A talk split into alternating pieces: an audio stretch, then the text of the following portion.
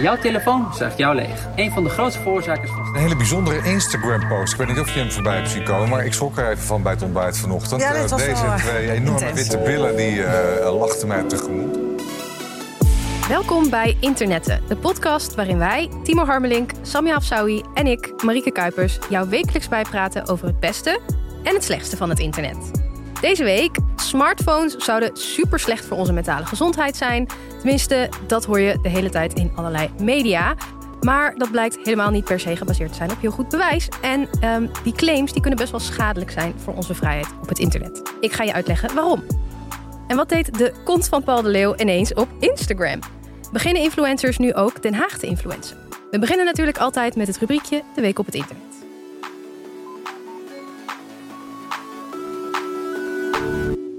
We beginnen natuurlijk de week op het internet. Met de week op het internet van Samia dit keer. Hey. Hallo, je bent er weer. Hallo. Hallo. En ehm, jij gaat het over iets hebben waar ik het al een tijdje over wil hebben. Want ik word de afgelopen weken Ik word gespamd. gespamd door Instagram broadcast channels. Ik word uitgenodigd door iedereen om, Ja. om te joinen. En elke keer denk ik, wat de fuck is dit? Maar ik merk ook, het is weer een nieuwe functie van Instagram. En ik, ik, ik heb geen eens zin om uit te zoeken wat het is. Ja, en het komt ook opeens in je notificatielijst. Ik vind het heel eh, agressief ook. De hele tijd zo. Het zit zo in je gezicht. Ja, de hele tijd zo in je gezicht. Eh, ja, wij hadden dus eerst de subscriber channels. Ik weet niet of jullie dat nog kan Op Instagram? herinneren. Ja, nee. dat je geld kan betalen om mensen te volgen. Oh, was dat een ding? Ja, dat was een ding. Is dat nog steeds een ding? Nee, maar dat was echt zo'n proefballonnetje. Oh, leuk. Een proefballonnetje. Mhm. Eh, maar dit is een zijspoor. Ons hoofdspoor is dus een broadcast channel. Ja. Het is eigenlijk DM'en. Je hebt dus als je bij Instagram op jouw pijltje klikt, waar normaal gesproken je DM's zitten, Ja. heb je nu primary, Ja. general, channels en dan requests. Oké, dus, Dus, die channels channel is is nieuw. erbij gekomen. is een nieuwe kolom. Ja. Yay, En nog meer. Ja, nog meer. Ja, Woe! daar zat ik echt op te wachten. Ja. En waarom ik er deze week op kom is omdat de Volkskrant en de NRC eh me er opeens voor uitnodigden. En wij weten allemaal dat als mainstream media het doet, is het niet meer cool meer. ja, het begon bij mij inderdaad met, met wel echt ehm, vette artiesten of zo. Die Ja. dat eerst je gingen uitnodigen. En toen volgden er een soort van influencers. En als laatste volgde natuurlijk Traditionele media. traditionele media. Shout-out naar de Volkskrant en NRC. Het is ook heel lief. Ik volgde dat Volkskrant Broadcast Channel en hun berichtje was...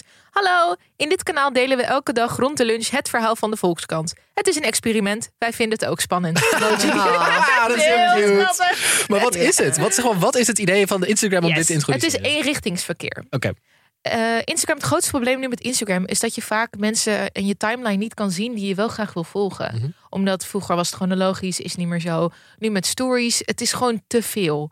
Je kan volgens mij een max van 7000 mensen of zo volgen. Dat doe ik ook. En heel vaak mis ik gewoon hele leuke dingen. jij volgt 7000 iedereen. mensen. Ja, I know. Ja, Ja, oké, daar gaan we het een andere keer over. ja. het is een probleem. Eh, maar goed. Als jij dus denkt, ik mis de hele tijd content van iemand Ja. die ik wel heel vet vind, dan kan je dus iemands broadcast channel volgen. Want daar kan je een post delen die je hebt gedaan. Je kan eh, langere berichten delen. Je kan direct in contact staan, dus met je volgers. Zonder dat dat op je timeline komt te staan. Want je timeline is vaak je eerste introductie als iemand je opzoekt. Ja. En de Instagram is niet echt tekst ja, geschikt. Zo'n broadcast channel kan je een heel verhaal houden. Omdat in je DM ben je vaak wel geneigd om langere berichten te lezen. Dus het is eigenlijk een soort van betere manier om direct in contact te staan En, met. waar- en waarom dacht Instagram, dit gaan wij Dit is een goed idee. Mm, Instagram heeft nu wel door dat het een beetje de populariteitsrace aan het verliezen is voor actualiteit. Omdat mensen dus heel vaak klagen over: hallo, ik zie gewoon niet meer de content die ik leuk vind. Ik word gespamd met advertenties en shoppen. Het had Facebook toch ook op een En- gegeven moment? Ja. Ja, ook eh, stel je voor je hebt bijvoorbeeld een evenement dat je wil pluggen bij mensen. Nou, dan kan je dat doen op je broadcast channel. Dat is beter dan in je story, omdat dat is na 24 uur weg. En op je timeline wordt het vaak ondergesneeuwd doordat je gewoon aan het scrollen bent. Dus bij een broadcast channel kan je even stilstaan bij dat bericht. Wat je kan doen als volger is dus een emoji doen als like, maar je kan niet terugpraten. Mhm. Dus het is ook eh, ja, een beetje ruisloos. Heerlijk. Het is heel fijn. Het is, eh, ja, als je echt wel fan bent van iemand of van bijvoorbeeld een Volkskrant NRC. Of Volkskrant NRC gebruiken het dus om hun nieuwsartikelen te pluggen. Ja. Ehm, En, ik, een beetje eh, gecureerd. Dus, ja, dus de, de beste en de leukste. Ja, want ik bedoel, als iemand tien twaalf berichten gaat spammen per dag, dan ben je er ook gelijk klaar mee. Want dan denk je, oh, ik heb allemaal leuke DM's van leuke mensen. Is het de Volkskrant? Ja, het is op zich wel een leuk idee dat je dus daar bijvoorbeeld je favoriete nieuwspagina's volgt. En als je dan heel overzichtelijk in je DM's dus een tapje hebt staan met al de beste verhalen van al je nieuwsites allemaal op één plek. Zeker. In plaats van dat dat, je naar de story moet. Ja. Wat toch meer geschikt is voor ja, posts over Lowlands. Ik heb dus eh een Nijntje dagelijks konijntje. Ja, dit zag ik voorbij komen. Dit moet je me heel even uitleggen wat hier aan de hand is. Ik heb al een langlopende grap op Instagram dat ik heel veel Nijntje content post. Dit begon ooit omdat het het jaar van het konijn is. En eh, het viel me op dat Miffy veel groter is. Ik gebruik ook Miffy in plaats van Nijntje. Ja. Miffy is de internationale naam van Nijntje. Nijntje in Nederland is best wel oké hoor. Als je in Utrecht loopt, eh, zie je Nijntje in het buitenland is echt Gigantisch. Gigantisch. Ja.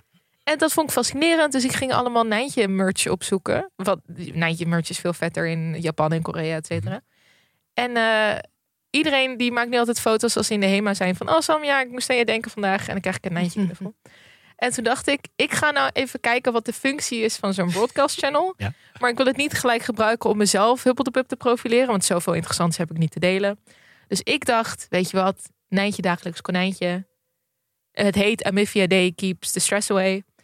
Waar ik dus elke dag rond de lunch, net zoals de Volkskrant, mijn favoriete, favoriete Nijntje deel. Het belangrijkste nieuws van de dag dus. Ja, het belangrijkste. Dus iedereen die maakt ook. Ralf Makkenbach had zijn eh Nijntje in Japan gedeeld voor in de broadcast channel. Leuk. En dat, is, dat, is, dat is gewoon schattig. Dus elke keer om 12 uur krijg je gewoon een leuk nijntje te zien. En Oh, tussen half twaalf en half één. dan moet je straks even aan het werk, denk ik. Ja. Heb je dat gedaan? Nee, ik heb nog niet mijn Nijntje konijntje nou, gedaan. dat, Maar eh, ja, dus eh, dan, en dan zeg ik van Nijntje gespot in met een foto van. Want het zijn wel volgers die dan een foto Ja. tippen. Doet me een beetje denken aan Twitter. Doet deed sowieso al omdat je natuurlijk alleen aan het zenden bent. En mensen kunnen niet, nou ja, op Twitter kan je wel reageren. Maar in eerste instantie is het vooral om te zenden. Maar, waar- maar dat is natuurlijk in het begin is, zijn dit soort functies altijd heel schattig, heb ik het gevoel. Als het dan net uitgerold wordt, dan wordt het nog creatief gebruikt. En dan daarna Waar gaat het heen? gewoon- Heeft iemand een idee? Nou, het ligt er dus aan hoe je het gebruikt. Kijk, het kan ook zijn dat een influencer zegt: Hoi, mis jij mijn post? Je kan ook gewoon een post alert aanzetten. Of eh, wil je wat meer, I don't know. Stel je voor, je bent een diëtist op Instagram. En dan zeg je: Hey, wil je dagelijks een recept van mij? Nou, volg mijn podcast channel waar ik dan elke dag een recept post. Of politici die dan delen: Hey, wil je weten wat wij hebben gedaan in de Kamer? Eh, dat posten we op de podcast channel. Dus het is eigenlijk een soort van community building. En het idee van Instagram daarbij is dus gewoon eigenlijk dat je dan langer op het platform zou blijven natuurlijk. Omdat je dan een soort van betere community hebt gebouwd op dat Zeker. platform. Ja, in Ja. plaats van dus dat Instagram verzuipt in het shoppen, et cetera. Ja. Want het is natuurlijk, je hebt en stories, dat weg is na 24 uur. En Instagram wil heel graag dat je alles een reel maakt. Wat Mhm. eigenlijk gewoon TikTok, Ja. maar dan eh, drie maanden oud is geworden. En dan heb je ook nog je timeline waar je al je foto's post. Ja. En dit is nu meer text-based. Maar ja, Instagram weet gewoon dat het een beetje aan het verdrinken is. En ik ben heel benieuwd dus of mensen echt Dit gaan doen. dit gaan doen en dit gaan gebruiken. En of het dus ook inderdaad eh, gebruiksloyaliteit verhoogt. Of dat het weer zo'n proefballon is die binnen drie weken weg is. Ja, ik, ik, ik kan het er niet bij hebben. Ik ben er, ik, ik heb het, tenminste, ik, Ja? denk, ik, ik vind het wel grappig. Ik vind nieuwe functies eigenlijk altijd wel leuk. En ook om uit te proberen. Ik ben wel zo iemand die de eerste is die, die het dan gaat uitproberen. Uh, maar ik heb hier gewoon, ik zie niet echt de toegevoegde waarde of zo. Het Ook niet als jij je Substack bijvoorbeeld in podcast zou doen. Ja, maar dan, maar dan kan dat kan ook in mijn story, toch? Of Mhm. in mijn, ik weet niet. Het voelt als nog een plek waarop je iets kan doen wat je ook al op andere plekken kan doen. Ja, maar bij Broadcast Channel staan dus al je berichten nog. Dus het is niet weg. Ja, het is niet weg. Dus het is eigenlijk meer een soort blogachtig ietsje. Ja. Ja. Beetje Tumblr. Ja, laten we daar niet naartoe gaan. Dat is zo'n naar zwart gat. Nee, maar interessant. En eh, ook nog één laatste dingetje om in- over nieuwe, nieuwe functies gesproken. En Moeten wij een Broadcast Channel beginnen? misschien kunnen we eens proberen deze week. Kijken hoe dat is. Hm, Toch? ja. Dan kun je ons abonneren op onze broadcast channel internet. Geen idee. We gaan even We over gaan wel nadenken even wat we gaan bedenken doen. wat we daarin gaan delen. Ja, TikTok Shop. Dat is nu uitgerold in Oh. Amerika. Dat schijnt. We zetten even een linkje in de, in de, in- op onze Instagram van eh, even een paar artikelen waar je kan lezen. Want dat is echt over nieuwe functies gesproken. Gigantisch. Chaos ook. Ja. Heel leuk om over te hebben. Dankjewel Samia voor het delen met je Nijntje. Dat, dat, dat klinkt wel heel leuk. Nijntje dagelijks konijntje, Ja. shout-out. Eh, dit was jouw hoekje van het internet deze week, Samia. Ja. Volgende week hopelijk gewoon weer een luisteraar. Ja, geef ons, voed ons. Ja, stuur vooral een DM van waar jij eh, mee bezig was deze week. We zijn te vinden als internet De podcast. podcast. En nu dus ook. Broadcast. De broadcast. Oh god, wat hebben we ons op de gehouden. Oh mijn god, wat gaan we doen? Eh, dan door naar smartphone. Is het slecht voor je mentale gezondheid?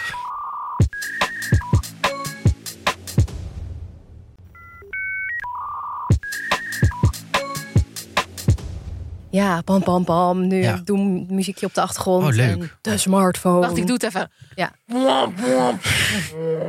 Ja. Mooi. Echt mooi. heel dankjewel. mooi. Heel mooi. Dat ja, die vibe.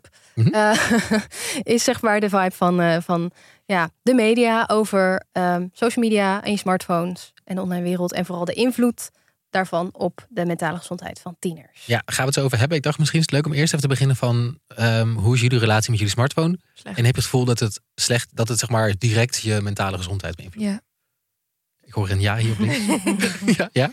ja, het is gewoon meuk. ja, hoezo? Echt gewoon meuk. Ik zit er de hele dag op. Nee, ik zit er wel echt heel, heel veel op. Ik weet niet of het slecht is voor mijn mentale gezondheid, want ik leer ook oprecht heel veel van het internet. Mhm. Ik voel me wel een meer geïnformeerd mens. Maar Denk- misschien, ja, ja. Hoe denk je dat je mentale gezondheid zou zijn als je helemaal geen smartphone had? Nooit ook gehad had. dat weet ik dus niet. Dat, dat vind ik een rare, eh, ja, Ja, dat is wel bijzonder. irrelevante. En ook zoiets van als de rest het dan wel heeft, dan ga ik misschien denken dat ik alles mis. En dan, dan gaan we Extreme mentale... FOMO. Ja, dan, Ja. dan is mijn mentale gezondheid misschien nog slechter, omdat ik gigantische FOMO heb. Dat ik, Ja. dat ik niks meekrijg. Ja, nou ja, het is, ik wil niet spoilen wat onze mening is. Maar ik vind wel dat er zijn echt slechtere manieren om een smartphone te gebruiken dan de manier waarop ik mijn smartphone gebruik. Dus ik, ja, ik weet niet. Ik vind het meer een alsof ik een pocketbibliotheek heb. Ik heb wel heel vaak, als ik dan heel vaak door TikTok aan, of te lang door TikTok aan het scrollen ben, dat ik wel echt het gevoel heb dat ik, dat ik me daarna slechter voel. Oh, Of zo. ligt het denk je aan de content die je gebruikt of gewoon het scrollen en het kijken naar een Het, het, het gevoel dat ik, dat ik dan bijvoorbeeld een half uur van mijn tijd daaraan verspild heb. En niet echt iets heb gezien. ja, Daar heb ik dan een mentale, maar ook bijvoorbeeld ehm, niet, niet alleen social media, maar ook WhatsAppen. Dat ik de hele tijd prikkels binnenkrijg. Ja. Ehm, dat ik de hele tijd, ik heel graag zou ik gewoon mijn telefoon wegleggen, maar de hele tijd ook voor werk. Ik word s'avonds geappt. Ik word. ik maar dat is sowieso een probleem. Aanstaan. Ja, dat omdat we een smartphone hebben, dat werk ook denkt dat je altijd maar kan regelen. Ja, precies. Dat je de hele tijd maar aan het werk bent. Terwijl je niet Ja. even lekker af kan sluiten. Maar heb, heb jij dat, Marieke? Ja, nou in Frankrijk is dat eh Ja, verboden. verboden. hè? Ja, dat, oh god, dat wil ik zo graag dat het hier Ja. ook gaat. Daar maak ik me erg, dan ga ik voor op de barricade Ik voel staan. een special. Ja, Frankrijk heeft soms hele rare regels, maar eh, deze is, Deze is eh, echt wel heel Ja, dus dat je niet je werkge- werknemers mag eh, contacten na werkuren, toch? Maar ben jij nul notificatiepersoon, Timo? Wil jij alles weg hebben? Ik, eh, ja, ja, ja, ik Ja? kan niet tegen notificaties. Nee, er zijn ook mensen die 2900 e-mails hebben, weet je. Anders schrik ik altijd family. Oh, dat het, die eh, helemaal in kijk elkaar. ook niet. Mensen die dat hebben. ik heb dat. Maar heb, jij, heb jij het gevoel dat het jouw mentale gezondheid beïnvloedt, Marieke? Nou, ik vind dat dus wel lastig, omdat ik denk wel, als ik het nooit had gehad, die smartphone, dat mijn mentale gezondheid wel een stuk slechter zou zijn geweest. Omdat je dan Ah, gewoon niet toegang hebt tot informatie over de wereld. Mhm. Zo snel en zo makkelijk. de pocketbibliotheek. Ja, en, en, en de informatie over allerlei mensen die misschien bestaan waarvan je anders niet had geweten. Die misschien meer op je lijken dan eh, mensen die in je eigen dorpje wonen. Ehm, misschien eh, ook ja, de informatie over allerlei dingen die in de media komen. kan je zelf checken en zo. Dus ik denk dat overal, zonder smartphone, dat ik echt wel een minder gelukkig mens was geweest. Grappig, want ik denk inderdaad, wat je toch hoort in de maatschappij nu, is dat je toch echt heel erg het sentiment hebt van, eh, heel erg direct van, je smartphone is slecht voor je mentale gezondheid. En dat lees Ja. je volgens mij ook overal terug. Dat wordt heel makkelijk ook eh, aangenomen door iedereen, van Ja. dat is gewoon zo, daar moeten we iets aan doen. Ja. Ehm, maar jij bent het daar niet helemaal mee eens. Nee, nee. En ik kijk, natuurlijk zijn er wel eh, dingen waar ik zelf ook last van heb als ik op mijn smartphone zit of eh, social media en zo. Er zitten ook wel negatieve aspecten aan. Alleen ik denk vooral dat het niet de oorzaak is en dat het wel vaak als de oorzaak wordt neergezet als soort kwaad eh, wat ons allemaal aan het verpesten is en Ja. het allemaal slechter maakt. En hoe is, Ja. die, hoe is eh, hoe dat, zeg maar, wat is een beetje het probleem volgens, volgens de mensen die dat zeggen? Wat is een beetje de, de oorzaak en de, de- hoe, Ja. zit, hoe, zit, hoe zit het argument in elkaar? Ja, de, nou, de focus ligt dus vaak heel erg op jongeren, op tieners en ook op mentale gezondheid. En dat is wel grappig, want ehm, ik bedoel, ik kan nu ook een heel pleidooi gaan, halen, gaan houden om de tv te verbieden. Want eh, ja, ouderen die zitten op tv en die krijgen daar allerlei misinformatie mee. Die worden er ongelukkig van. Ja. En ja, ze kunnen zichzelf ook niet Die bedwingen. kopen allemaal meuk van Telcel. Ja, kunnen ze je weer te pizzaretten tijdens kerstmis. ja, urenlang zitten ze tv te kijken. Is heel slecht voor ze. Maar ja, de focus hierbij is natuurlijk eh, vooral op jongeren. En de aanname is dan ook wel dat jongeren daar natuurlijk eh, heel erg kwetsbaar en naïef zijn. En daar niet goed... We moeten ze redden. Ja, we moeten ze redden van het kwaad. Want er was een heel groot correspondentartikel deze week. Ja. Ehm, met een eh, nogal intense titel, volgens mij. Smartphones verzieken de mentale gezondheid van jongeren. Wanneer grijpen we in? Ja. Alsof we niet ingrijpen. Maar Wat, wat was een beetje de strekking van het artikel? Ja, het is een artikel van Simon van Teutem. En hij schrijft ook heel veel goede dingen hoor. Dus het is niet eh, op hem. eh, Nee, er zitten ook, echt Ja, wel- dat er is zitten Simon. ook echt heel veel dingen in dat artikel waar ik het wel zeker mee eens ben hoor. Ja, ja, alleen zeg maar, de strekking ervan is wel dat, ehm, nou, dat er, hij vindt dat er genoeg bewijs is dat social media gewoon een hele slechte invloed is op de mentale gezondheid van jongeren. Mhm. En dat we daarom ook, eh, nou ja, de maatregelen die we volgens hem moeten nemen, is dus een leeftijdsslot op ehm, social media. Ja, en dan gaat hij best ver in, toch? Van, nu is dat er ook wel, maar kun je dat makkelijk omzeilen. Maar hij pleit voor bijvoorbeeld dat je dat dan moet koppelen aan je DigiD bijvoorbeeld. Ja, Ja. dus ja, Dus dat je het echt moeilijker wordt voor jonge mensen om social media te gebruiken. het is heel erg gericht op het negatieve en het hele positieve van social media en van het internet en toegang daartoe. Mhm. Dat wordt vaak een beetje weggelaten. En het kan inderdaad juist heel erg positief zijn voor jongeren. Bijvoorbeeld die, nou weet je, misschien eh, is, het, is er een homo-jongen die opgroeit in een heel erg eh, een streng gelovig gezin en niet zo goed weet wat hij daarmee moet. En die kan dan op social media mensen vinden die daarover praten en voelt zich dan misschien wat beter, wat minder alleen. Heb je het over mij, Marieke? nou, niet streng, niet streng, niet streng, gelo- helemaal niet streng, gelo- helemaal niet gelovig ook, maar wel. Nee, gewoon- aan het subtweeten. Gewoon wel, gewoon wel een jongen die opgroeit in, de- in, in Twente. Ja. Die toch wel denkt, ik heb heel veel gehad aan het internet. Ja. Echt, echt bizar veel. Ik denk dat Ja. mensen dat onderschatten. En van wat je daar allemaal vandaan haalt. Dat jij denkt, oh fuck, oké, eh, hier is het niet leuk, maar daar wel. En daar ga ik op een gegeven moment ook komen. Zeker. Ja. Weet je hoeveel dingen ik heb geleerd over islam van het Ja. internet? Gewoon Ja. goede dingen. Ja. Ja. Ehm, maar eh, even voor mij, hè. De media en social media. Dat zijn van Ja. die hele grote termen. Ja, ja. Zijn die termen ook niet te groot? Want ik kan ook pleiten dat de media slecht is, omdat XYZ. Ja, dat is natuurlijk ook veel te makkelijk. Maar dat gebeurt Ja. ook wel eens. Eh, En het internet. Maar wat is het bewijs dat wordt aangehaald dan? Volgens eh, van waarom dan social media slecht zou zijn voor onze mentale gezondheid? Ja, dus er worden dan onderzoeken aangehaald. Er zijn wel onderzoeken gedaan, namelijk naar ehm, wat is het verband. En dat is, dat is een cruciaal woord, Ja. het verband tussen ehm, social media gebruik en de mentale gezondheid van jongeren. En er zijn best wel wat onderzoeken naar gedaan. En het blijkt wel dat er soms een verband is. Dus als je een grafiekje hebt en je ziet ehm, er is meer social media gebruik, dan gaat in sommige van die onderzoeken ook de mentale gezondheid achteruit. Mhm. En specifiek ook van meisjes, daar kunnen we daar nog even op terugkomen. Ehm maar een verband, en dat is het cruciale verschil, is niet hetzelfde als een oorzakelijk verband. Ja, dat is natuurlijk En dat is een eh, hele belangrijke statistiek wetenschappelijke- 101 natuurlijk. Ja. Ja. Ja. Ja, want ehm, je hebt dus een soort denkfout. Correlatie is geen causatie. Maar dat komt op neer dat, ehm er is een heel grappig voorbeeld van, dat, dat iets verbonden is, wil niet zeggen dat het een het ander veroorzaakt. Je hebt er een voorbeeld van dat ijsjes, de Ja, ijsverkoop, Die ken ik, ja. eh, dat die verbonden is aan eh ehm, haaienaanvallen. Ja. Nou, dan kun je gaan zeggen, Even uitleggen, Marieke. Ja. ja, dus als je gaat kijken naar hoeveel ijsjes er verkocht worden en Ja. hoeveel haaienaanvallen er zijn, dus mensen die gebeten worden door een haai, Ja. Dan zie je dat dat ongeveer eh, tegelijk oploopt. Ah, en het is warm weer, dus iedereen gaat naar het strand en die koopt dan een ijsje. En omdat er meer mensen op het strand zijn, zijn er meer mensen in het water, waardoor je een grotere kans hebt op een haaienaanval. Exact. Ah, Ja, kijk, Ja, dus het is niet zo dat de verkoop van ijsjes direct verband houdt. met- haaien Ja, aanvallen haaien. zo dat- ja. Ja, en dat is natuurlijk ook zo hier van. Het is natuurlijk niet zo dat het social media gebruik direct leidt tot eh, Een depressie. Een depressie Ja. bijvoorbeeld. Ja, maar het kan zijn dat als je een depressie hebt. Maar het eh, kan wel invloed ja. hebben op. Ja. Zeg maar, het kan een van de factoren zijn die invloed hebben op dat. Zeker. Waardoor Als, je mentale ja. gezondheid achteruit gaat. als jij dan het voorbeeld geeft van, van jouw hele persoonlijke ervaring, doe ik ook die van mij. Ja. Triggerwording eetstoornissen. Ik heb heel lang anorexia gehad. Mhm. Ik was een danskind. Eh, dan ben je heel erg bezig met je lichaam. Dat ging helemaal niet goed. En ik zat op eh, pro-anorexia websites. En dat gaat als een tierenlier. Dit is, ik was 15, dus dat is een dikke eh, 14 jaar geleden. En dit was nog in de tijd dat je echt naar, vaker naar een aparte website ging dan social media. Mm. Maar er was een forum en er waren blogs en het, het heel erg de, de piek van de Victoria's Secret Show. Ja. Dat je al die modellen eh, en die Ja. foto's en de Olsen Twins. En dit was ook in de tijd van Heroin Chic, waar we later nog opnieuw een soort van oplei over hadden over ehm, die hele cultuur. Dus ik kan echt wel 100% zeggen dat ik geen anorexia heb gekregen door die website. Maar ik kan zeker weten zeggen dat die website heel erg mijn eetstoornis heeft gesteund. Ja. Ook omdat je komt in contact met andere anorexia-patiënten. En een van de dingen die de ziekte met je doet, is dat je heel erg competitief wordt met andere mensen. Jij moet de dunste zijn, jij moet de ziekste zijn. We hadden ook onderling allemaal eh, de dingen die je kon doen om, om te checken. Ik ga er niet te veel op in, want ik wil niemand per se inspireren, want dat is een hele grote trigger. Maar ehm, ja, dus dat is voor mij wel. Als ik in zo'n onderzoek had gezeten, eh, dan, had, dan was wel een verband geweest, inderdaad. Want je zoekt op het internet op wat je wil, Ja. vaak. Ja, klopt. Dat is natuurlijk ook het ding van mensen, mensen vinden die je anders niet had kunnen vinden door het internet. Precies, voor goed en voor slecht. Voor goed en voor slecht. Dus je ziet het ook bijvoorbeeld met, eh, nou ja, waar we het vorige keer over hadden, over, met incels en zo. Ja, Het is niet dat zij eh, door het internet. Ehm, radicaal. Ja, soms worden ze er wel door beïnvloed natuurlijk. Maar het is niet dat, dat ze in een soort vacuüm opgroeien van een samenleving.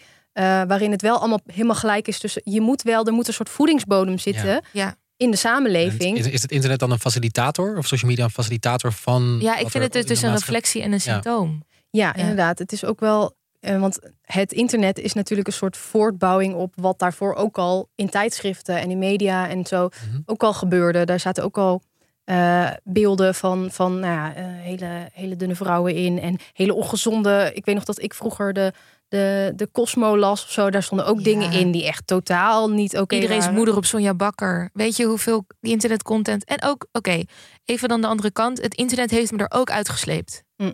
Want nu ook op internet kom ik erachter dat er heel veel informatie is over eh, de generatie van onze moeders. En hoe zij zijn opgegroeid met het idee dat je dun moet zijn. En dat zij ook bepaalde taal hebben overgenomen in hun tijd. En dat het een soort van generatieding is waar je jezelf uit kan trekken. Ja. Dus nogmaals, en dat is mijn probleem, en denk ik ook Marike, jouw probleem, en ook die van jou, Timo, met het internet, als het internet benoemen, dat het de lange arm is van de samenleving. Dus waar goed is, is goed en waar slecht is, is slecht. En ja, je kan radicaliseren door het internet, maar je kan ook deradicaliseren door het internet. Ja, maar aan de andere kant denk ik wel, social media is wel een soort van plek waar bijvoorbeeld, bijvoorbeeld doomscrolling, Ja, zeg maar, waardoor je misschien wel je depressieve kan gaan voelen. Toch? Zeg maar, het is wel, als het er niet zou zijn geweest, dan, ja, je weet natuurlijk nooit wat dat, Dat zou weten doen. we niet. Dat weet je niet, maar het is wel, ik kan, me wel, ik kan me wel een beetje het argument vinden dat het wel een plek is waardoor je je slechter kan gaan voelen. Dus dat het wel een, een, een punt is in, eh, in het verband Ja. dat we proberen te ja, doen. ja, Niet- ja, niet dat directe is- ja, causatie. ja, ja, 100. Nee, dat is, dat is ook zeker wel zo. Ik denk, het is natuurlijk een van, het is een factor. Ja. Ehm, maar wat ook in al die onderzoeken die ik heb gelezen en ook de kritieken die ik daarop heb gelezen, eh, wordt benoemd, is dat er, ehm, dat er ook verschillen zijn in hoe gevoelig mensen daar bijvoorbeeld voor zijn. Want dat lees je nooit terug in die gesprekken over de invloed van social media. ja. Er zijn allerlei dingen in het leven van iemand die iemand gevoeliger maken voor de invloed van social media. Mhm. Dus- offline in het echte leven. Ja. Ja. dus offline. Dus in wat voor gezin je opgroeit, in ehm, hoe zeker je bent van je, van je bestaan en eh, je inkomen en zo. Ehm, kijk, het is op zich niet heel gek dat als je opgroeit in een heel arm gezin en eh, heel weinig, nou ja, heel weinig ehm, toekomstperspectief hebt, dat je dan al wel wat gevoeliger bent voor doemverhalen op social media of Mhm. op het internet. Want je zoekt zingeving. Ja, en je bent al, nou ja, je hebt misschien al weinig vertrouwen in de samenleving, dat soort dingen. Dat maakt je gewoon kwetsbaarder daarvoor. Ehm, dus er zijn verschillende. En als het gaat om gender, eh, meisjes en jongens en zo, dan zie je ook dat de dynamieken die gewoon in de maatschappij spelen tussen meisjes en jongens Mhm. en mannen en vrouwen, dat je die ook terugziet op social media, waar eh, meisjes dan vaker bijvoorbeeld te maken krijgen met eh, seksuele intimidatie, ook online. En dat is niet En dat dat ook in daar. het echte leven natuurlijk. Ja, ook in het echte leven. Maar dat is niet dat dat door het internet komt. Dat is gewoon een soort. Het gebeurt ook op het internet. Ja, Het is gewoon eigenlijk een spiegel. ja. een Ja. spiegel, een versterker, maar niet de oorzaak. En hoe kan het dan, denk je, dat mensen nu zo op de barricade staan met dit argument? Het is makkelijk. Ja. Iedereen heeft een centraal haatpunt nodig. Het is zo. Oké, ik ga nu heel filosofisch doen, bear with me. Maar Go for it. Go for ehm, it. Akkoord. het leven is zo verschrikkelijk eng. En ik ben eh, een moslim en mijn hele leven heb, is mij verteld dat ik het centrale probleem ben en mensen zoals ik. En de laatste tijd heb ik dat nu compleet zien shiften, weer terug naar queer people. En het werkt in een soort van loopje. Eh, Joodse mensen, moslims, homo's, vluchtelingen. Je hebt allemaal de hele tijd één centraal kwaad nodig, omdat je dan het idee hebt dat je al het slechte in de wereld kan stoppen. Ja, en dat is dus ook wat er gebeurt met social media. Of in ieder geval het internet. En nu nu- makkelijk te pinpointen. Totaal anders natuurlijk, want het, het stoppen van iPhones is anders dan het stoppen van mensen, Mhm. laat ik dat vooropstellen. Maar het is het een centraal kwaad. En het is veel moeilijker, dat doen we ook in, in de politiek. Laten we vooral niet nadenken over het klimaat. Laten we vooral nadenken over minder, mensen minder te laten douchen. Want dat kunnen we of zo. Ik vind dat wij alles heel en veel meer intersectioneel moeten bestrijden. Als jij iets hebt als eetstoornissen bij jonge meisjes, dan moeten wij niet alleen kijken naar, oh, doe die smartphone op slot. Dan moeten wij ook kijken naar wat gebeurt er nou in dat leven van dat jonge meisje. Begin het bij de dag dat die meiden worden geboren. Het zijn de kleinste opmerkingen van familieleden, van je ouders, van je school, van het consultatiebureau, van de tijdschriften, van de media die je bekijkt. Maar dat is zo'n groot iets. Dat voelt zo onmogelijk om aan te pakken. Ja, dus dan ga je op zoek naar een soort van makkelijke scapegoat. Ja, En dat doe maar, doe maar Tumblr weg. Ja, en dat is dus ook wel het schadelijke van dat te simpel maken, dat verhaal. Omdat je dan eh, dus ja, eigenlijk een beetje kan negeren dat er ook best wel andere grote problemen zijn die ook van invloed zijn op de mentale gezondheid van jongeren. Dus als je kijkt naar de onderzoeken die naar, daarnaar zijn gedaan, dan zie je ook bijvoorbeeld dat nou, de coronapandemie van invloed is geweest. Dat zorgen over klimaatverandering, dat ehm, de werk, nou, dat is ook best wel een grote factor die niet in dat artikel terugkomt. Ehm, het wordt volgens mij even genoemd, maar druk van studie en ehm, gewoon enorme druk om het goed te doen, überhaupt, Ja. Ja. eh, die er in de maatschappij is. Ja, dat is gewoon een maatschappelijk probleem. Dat is ehm, Ons probleem. ons probleem. En als je het op social media gooit, dan kan je het natuurlijk een Is het beetje... niet meer ons? Is, er, is er überhaupt een bewijs te vinden in een van die onderzoeken dat er een verband is ergens? Wel voor een verband, maar dus niet voor een oorzaak. Oorzaak. Ja. Want dat het Ja. echt de oorzaak ervan is. Dat is er dus echt niet. En ik vind het misschien nog wel ehm, goed om te noemen. Er is dus ook een term voor, eh, voor, eigenlijk wat jij net zei, Samja. Morele paniek. Oh ja, de moral panic. De moral Ja, panic. Ja, waar dit heel goed in past. Want dit is een patroon. Dit zie je gewoon bij allerlei verhalen. Mhm. En ehm, dat is een term uit de sociologie. En eigenlijk wil dat niet per se zeggen dat er niet een probleem is. Mhm. Dat er niks aan de hand is. Maar ehm, het kan soms dat er niks aan de hand is. Maar het kan soms ook zijn dat er inderdaad reden is om je misschien zorgen te maken. Of, eh, maar dat het wordt uitvergroot op zo'n manier dat het eigenlijk niet meer in verhouding staat met Tot wat het probleem echt is. wat het probleem is. Ja. Ja. Dus een buitenproportionele, vijandige en gemediatiseerde reactie. Ik ben nu Wikipedia aan het lezen. Op een situatie of technologie, een persoon of groep die waarden en normen lijken te, begrijpen, eh, te bedreigen. Ja. Eh, het begrip verklaart maatschappelijke angstreacties die niet in verhouding staan tot de ernst, het risico, de schade of de dreiging. Ehm, en wat je ziet is dat dat ook vaak te maken heeft met allerlei normen en waarden die je samenleving heeft. En daarom vind ik dat genderverhaal ook wel interessant, omdat de focus zo heel erg ligt op meisjes. Mhm. En als je gaat kijken naar de paniek rondom eh, wat meisjes allemaal doen in de publieke ruimte, dan is dat gewoon een geschiedenis, eh, iets wat steeds terugkomt in de geschiedenis over allerlei dingen. Niet alleen met social media, want je hebt al nou ja, een heel grappig voorbeeld is natuurlijk Elvis. Oh ja, ja. Dat eh, meisjes daar allemaal de helemaal wild Beatles. gingen. Ja. De Beatles, dat soort dingen. Dat, dat meisjes dat meidelijk onzedelijk. Ja, onzedelijk, Onzedelijk gedrag vertonen. En dat zij enthousiast zijn over. Enthousiast over dingen. Ja. naïef en kwetsbaar. Nee, kwetsbaar. Ja, het niqabverbod. Dat zijn eh, Is ook een minder dan 350 mensen in Nederland waar wij totale paniek over hadden. Eh, hoeveel drag queens lezen er nou echt voor in een bibliotheek? Terwijl dat nog toch in Leiden? Ja, mensen denken ook dat er veel meer moslims zijn in Nederland dan dat er eigenlijk zijn. Zeg maar, je wordt zo doordat er zoveel over wordt gepraat, inderdaad dit weekend in Leiden, dat er wordt zoveel over gepraat dat men denkt dat het een gigantisch probleem is, Ja. waardoor je ook dus wordt afgeleid van de echte concrete problemen. Mhm. Kennen jullie de comic van eh, de zakenman die tegenover een arbeider zit, die zo'n heel bord heeft vol met Ja, ja. En dan de arbeider die één koekje heeft en de zakenman die dan zegt: let op hem, want hij wil je ene koekje stelen. Ja. Oh nee, die ken ik niet. Dat is dat Ik natuurlijk. ga, hem, ik ga hem op ons Ja. account posten. Maar het hele idee is dus dat je wordt afgeleid eh, doordat men er eh, morele paniek over maakt. Omdat morele paniek spreekt echt tot ons mens zijn, namelijk je onderbuik. Mhm. Je wil kinderen beschermen. Je wil Ja. eh, de normen en waarden van jouw hele bestaan beschermen. Je wil dit, je wil dat, je wil zus, je wil zo. En er is een externe factor die daar ongelooflijk veel macht op oefent. En daar, omdat het maar één centraal ding is, kan je dat bestrijden. Ja. Ja, en wordt daar ook al zeg maar ehm, op gereageerd door bijvoorbeeld wetgevers in Nederland of Amerika? Ja. Dat het dus ook ah, wat er, dat er natuurlijk ook gevolgen heeft dat er zo'n moral panic ontstaat. Ja, want dat is natuurlijk ook het schadelijke van een moral panic, is dat het nou, afleidt van misschien andere factoren die van invloed zijn, Mhm. maar ook dat dus als je de, het probleem groter maakt dan het is, de reactie ook groter, Groter is dan, dan het zou moeten zijn. Mhm. Ehm, En dat heb je ook bij vorige uh, panieken gehad. Uh, Stuart Hall heeft daar een goed boek over geschreven. Dat in uh, Engeland was er paniek over jongens die zouden stelen en zo. En daar werd dan, nou dat bleek achteraf dus eigenlijk niet zo te zijn. Maar um, dat zij dus veel hogere straffen kregen. En nou, dat soort dingen hebben, hebben gewoon concrete gevolgen. En wat je ziet met deze paniek is dat er wetgeving wordt gemaakt in allerlei landen. Vooral in Amerika nu. Die erop gericht is om een leeftijdsslot Hmm. zoals in dat artikel van de correspondent wordt bepleit, in te voeren met een digitale idee. Eh, die dan semi-anoniem zou zijn, maar echt anoniem is dat niet natuurlijk.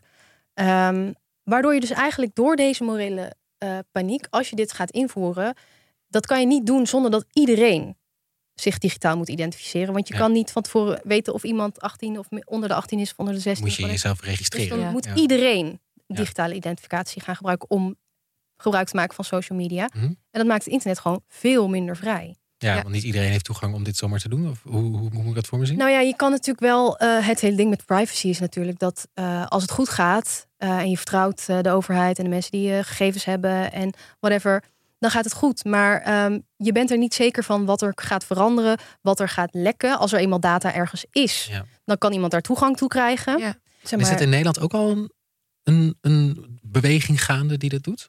Oh, dat we social media en zo willen. Ja. Ja, nou, er zijn best wel wat. Er zijn voorstellen geweest om TikTok te verbieden specifiek. Ja, ja daar hebben we het natuurlijk over gehad een keer. Uh, volgens mij is daar nog steeds best wel veel wil voor. Ja. Er zijn vragen geweest over uh, anonimiteit op social media. Dat je, um, nou, dat de haat op social media, dat we dat zouden tegengaan door anonieme comments te verbieden. Ja, dan kunnen we mensen gewoon concreet sneller arresteren.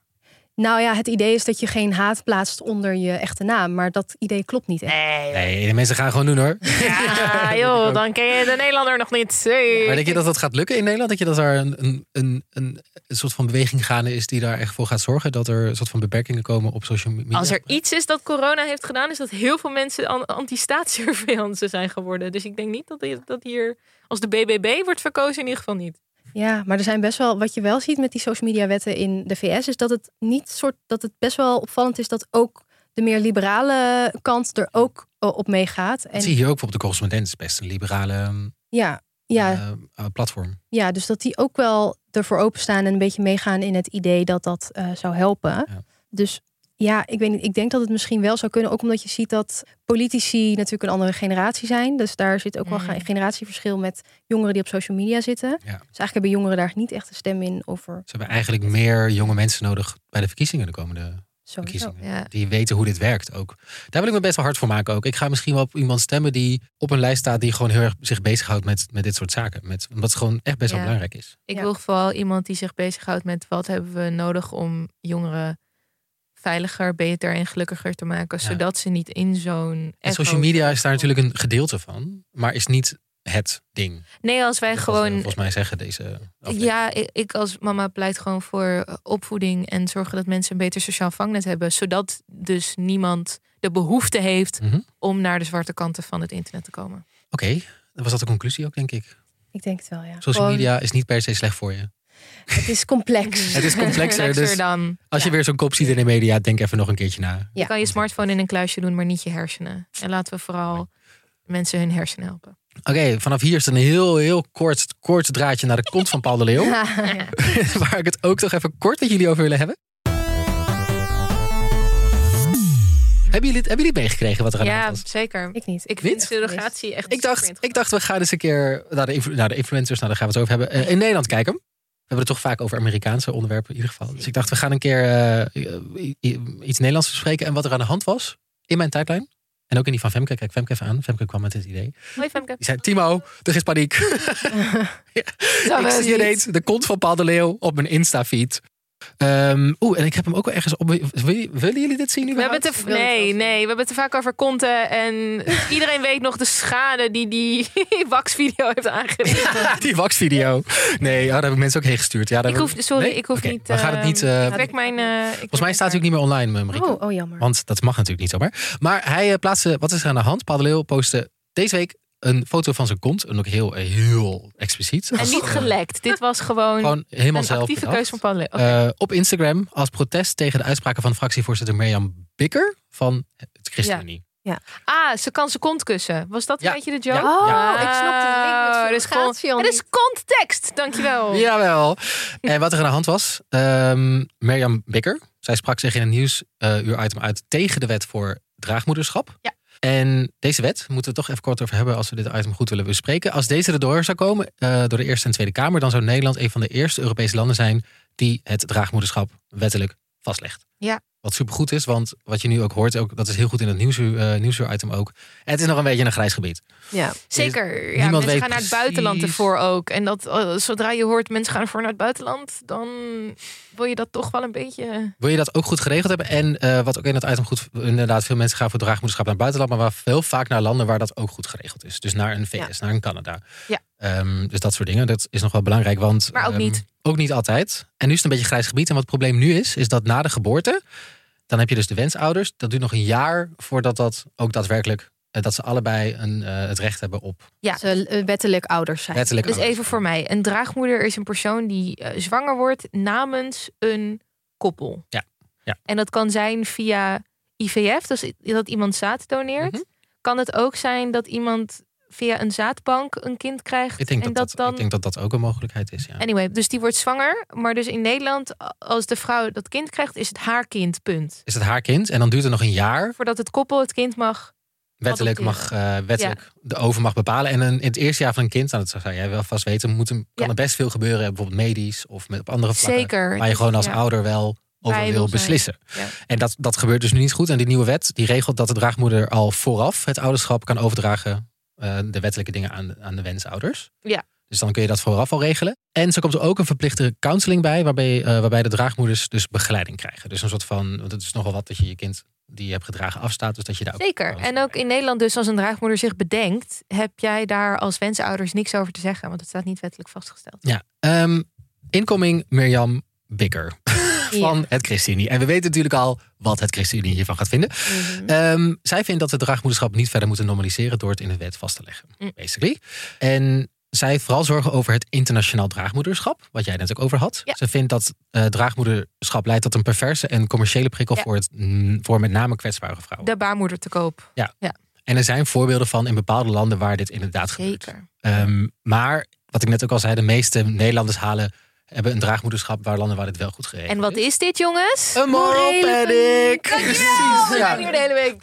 Ja. Eh, en zij gebruikt vooral dit argument om, ja, ik noem het verkapt conservatisme. Want wat ze eigenlijk wil zeggen is, eh, ik vind dat dit niet eh, volgens God mag. En eigenlijk wat ze zegt is, ehm, Zij zegt dus, wij willen vrouwen beschermen. En wat ze eigenlijk bedoelt is, ik wil niet dat homo's kindjes hebben. basically. Ja, en het is heel grappig, want ze heeft precies ditzelfde gedaan ook met transjongeren. Dus Ja. in een opiniestuk waarin ze ook in, ja, ik wil jongeren beschermen voor foute keuzes, dus ik vind niet dat ze in transitie. Ja, en wat zij zegt, en dat vind ik echt een walgelijk standpunt. eh, iedereen wil graag een kind zien opgroeien, maar niemand heeft het recht op het krijgen van een kind. Dat zegt ze in het nieuwsuur-item. Dat vind ik nogal een heftig standpunt. Wat je dus eigenlijk zegt, homostellen hebben geen recht op een kind per se. Paul de Leeuw vond dat ook. Vond het ook problematisch. Met z'n kont. Dus postte hij zijn kont op Instagram met de tekst... ChristenUnie mevrouw Mirjam Bikker is tegen de wet voor draagmoederschap. God is liefde, eh bla bla bla. Ehm, en dan haalt hij... liefde, bla bla bla. Wat er toen gebeurde, Instagram verwijderde de post natuurlijk... want hij postte kont op Instagram, dat mag natuurlijk niet. Nee, natuurlijk niet. Vervolgens eh, post hij gewoon haar gezicht met dezelfde tekst. Oké. Daarna probeert hij het weer met zijn kont. en daarna wordt hij weer verwijderd. En dan post hij weer haar gezicht. Dus Dus die niet is over lachen, want dit is serieuze wetgeving. Maar Maar ja, wel... Maar het is een soort van grappig, want het is een soort van loop van kont. Mirjam Bikker, kont, Mirjam Bikker, kont, Mirjam Bikker. Dat gaat zo door. Ja. Hij Eh. had het ook niet in zijn broad... Oh, ik zou zo benieuwd zijn als je dus je kont in je broadcast channel zet. Of die dat dan staan. Nee, ik weet het niet. Ehm, maar wat, wat vinden jullie van deze actie? Want ehm, het posten van een kont genereert gelijk fucking veel aandacht. Je moet namelijk denken aan Telegraaf, Linda, RT Boulevard. Iedereen was erbij. Ja, tuurlijk. En ik wist van tevoren niks af van deze wetgeving. Ja. En nu kon ik het je allemaal uitleggen wat er aan de hand is, wat de voordelen, wat de nadelen, wat de pijnpunten zijn. Ik, eh, wat, wat vinden jullie ervan dat iemand dit doet? Als je per se niks eh, met Paul de Leeuw hebt, Timo, in je dagelijks leven. Ja, niet echt iets. maar dus wel dit draagmoederschap interessant vindt en wat Paul de Leeuw hierover te zeggen heeft. Mhm. Dan kan Paul de Leeuw dus een draagmoederschap broadcast channel beginnen. Waar je hem dus specifiek kan volgen over alle dingen draagmoederschap. Dat zou hij kunnen doen, ja. Sorry, even gewoon eh, om concreet. Maar wat, wat vinden jullie van de actie ik dat denk, hij dit doet? Ik denk dat mensen misschien in eerste instantie zouden zeggen van ja, dat slaat toch nergens op, want het heeft toch niks te maken met draagmoederschap en zo. Maar dat het ehm, in dit geval wel nou ja, het, te doel van Paul de Leeuw was denk ik om hier aandacht voor te vragen. En eh, zijn kritiek eh, daar een podium voor te krijgen. En dat heeft hij wel. Dat heeft hij wel Daarmee gedaan. gedaan, Ik zat ja. wel te denken, je kunt maar volgens mij dit één keer doen, je kont op Instagram plaatsen. Want als je het eh, voor een andere issue een tweede keer gaat doen. Ja, Werkt het dan, niet dan word je de konteman. Dat is, Ja, en dan op een gegeven moment de derde keer van, oh, Paul heeft zijn kont weer gepost op Insta. Dus dan werkt het niet meer. Dus je kunt het eigenlijk maar één keer maken. Dus dat heeft hij hiervoor Je gekozen. hebt ook maar één kont. Ja, je hebt elkaar. En dat heeft hij dus gekozen. Ik vind dit belangrijk genoeg om dus mijn kont daarvoor op te zetten. Het is wel in de lijn van wie Paul de Leeuw is. Dus als ik een publicist Ja. was, dan had ik wel gezegd: het past bij zijn profiel. Ja. Ik ben niet heel verbaasd dat Paul Leeuw zijn kont op Instagram zou gooien. Wat mij wel eh, verbaast en wat ik ook wel belangrijk vind, is dus inderdaad hoeveel influencers nu zich actief mengen met wat er in Den Haag gebeurt. En dat vind ik ook interessant. Van, vinden jullie dat, wat vinden jullie van dat beroemde mensen of dus influencers? En ik vind in dit geval Paul de Leeuw wel een influencer. nee, hij heeft ja. veel volgers op Instagram en hij gebruikt zijn kanalen daarvoor. Die aandacht vragen voor een soort van politieke kwestie. En ik sta daar gewoon heel erg dubbel in. Top. Ehm, ik heb een masterscriptie hier zelfs over geschreven, omdat ik er zo dubbel in stond. Ik vind het aan de ene kant, het argument dat je altijd hoort van mensen, en dat, dat is vaak het argument dat mensen gebruiken, is hoe fijn als bekende mensen hun platform gebruiken voor maatschappelijke kwesties. En dan denk ik, Ja. ja, in principe ben ik het daarmee eens. Maar ehm, ik heb ook ooit een, ehm, een wetenschapscollege gemaakt met een eh, mediapsycholoog, Monique Timmers van de UvA, over parasociale relaties. En wat zij daar heel erg in, in zegt is van hoe wij de parasociale relatie die wij met influencers hebben, betekent dat, dat we heel erg in ze geloven wat ze zeggen. Mm. Ja. Dus wat een influencer zegt, hoe dieper de band is met die influencer, hoe meer de kans is dat je iets aanneemt wat iemand zegt. Ja.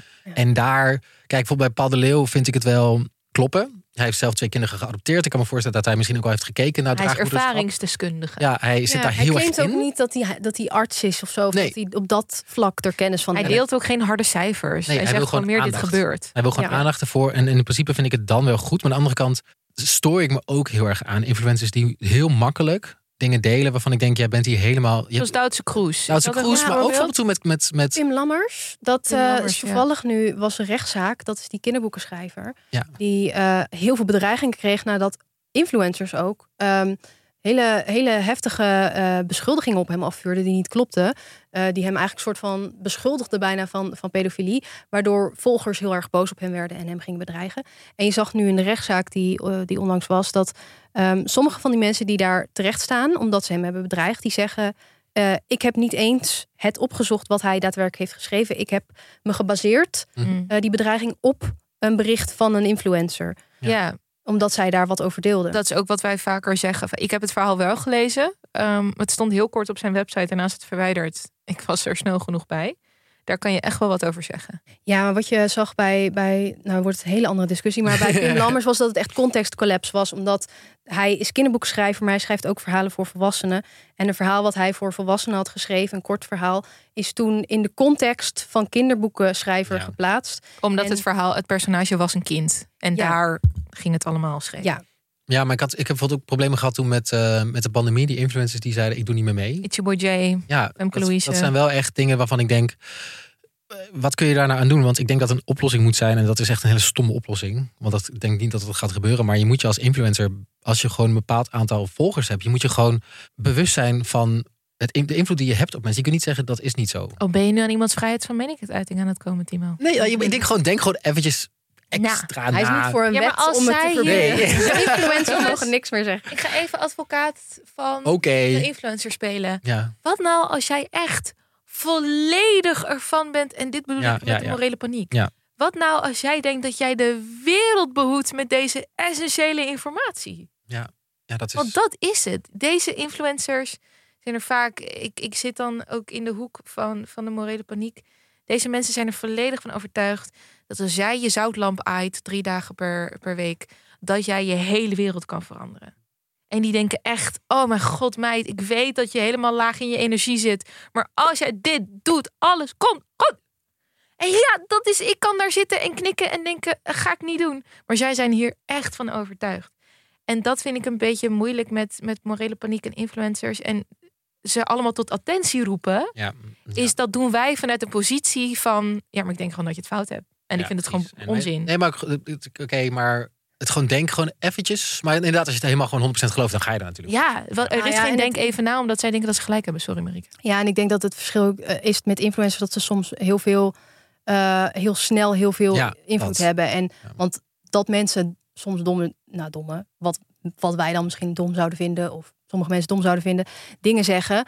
Dat gebeurt natuurlijk ook al in kranten en zo. Alleen is het dan iets minder veel bereik en hebben mensen iets minder een persoonlijke band. Maar er staan soms ook in opiniestukken in de krant ook dingen van ik denk, wat zeg je nou allemaal? Dit slaat nergens op. Ik denk gewoon inderdaad, bijvoorbeeld zo'n Paul de Leeuw moet dan gewoon heel erg eh attenderende rol hebben of zo.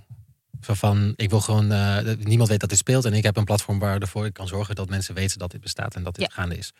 En dan mogen vervolgens, dan trek ik mijn handen ervan af. En dan kan de rest met de feiten en de experts kunnen dan vervolgens.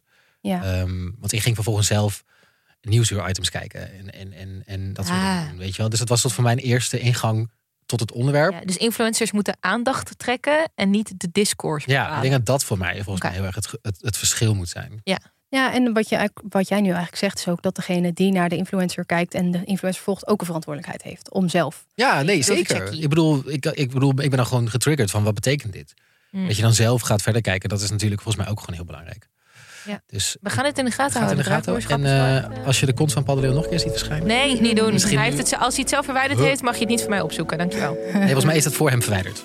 Ja, Ah, nee, niet nice. zelf hoor. Dan was dit internet voor deze week. Wij zijn de volgende week weer natuurlijk. Ja. Maar in de tussentijd zien we je natuurlijk. Online! Ah, heerlijk.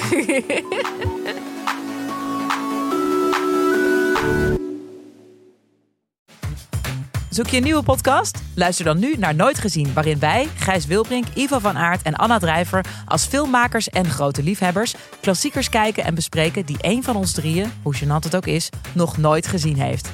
Kijk met ons mee, luister nu naar Nooit Gezien.